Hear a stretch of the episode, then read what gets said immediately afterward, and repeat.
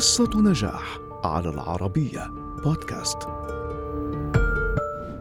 جينيفر لورنس حققت أفلامها أكثر من ستة مليارات دولار في جميع أنحاء العالم وكانت الممثلة الأعلى أجراً في العالم في عامي 2015 2016 كما ظهرت في قوائم الشخصيات الأكثر تأثيراً وشهرة قبل أن تبني ثروة طائلة.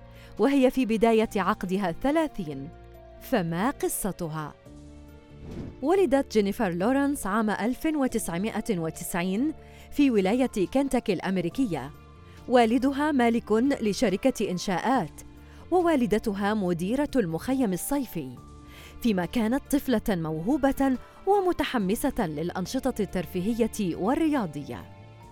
فغالبا ما ذهبت للتشجيع في المنافسات الرياضية وقامت ببعض عروض الأزياء والمسرح المجتمعي ولكنها ظنت أنها قد تكون طبيبة ولم تحلم ابدا بأن تصبح ممثلة.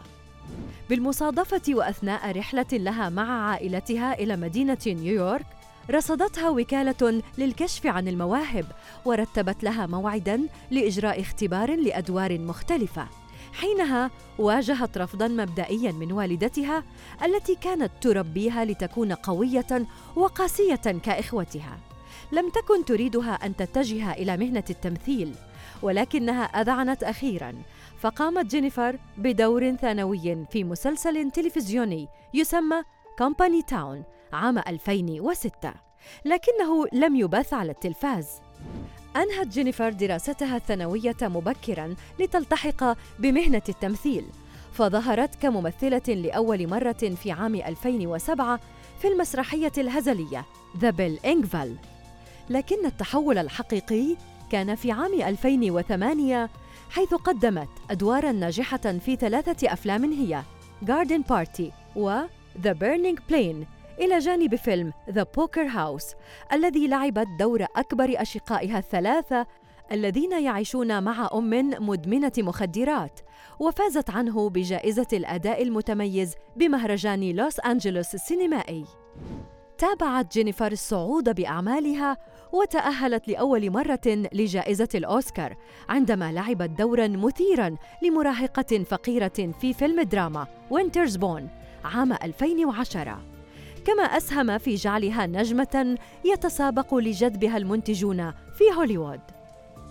فحققت نجاحات مذهلة في العديد من الأدوار اللاحقة كدور متحولة متغيرة الشكل في فيلم إكس مان وقائدة أنثى في فيلم The Hunger Games وامرأة تنزعج من ضيوف غرباء في فيلم Mother.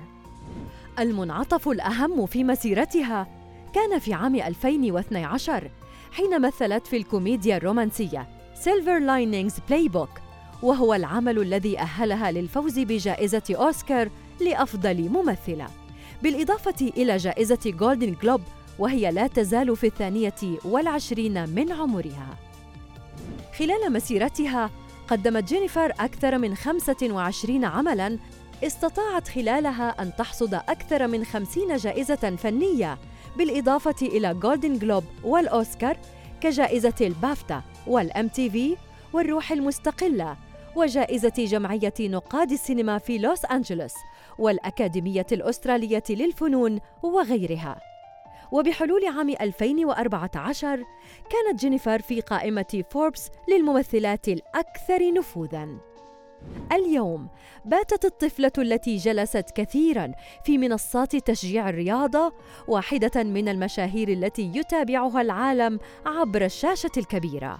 بل وأصبحت تتربع على ثروة تقدر بنحو 160 مليون دولار وهي لم تتجاوز الثلاثين من عمرها.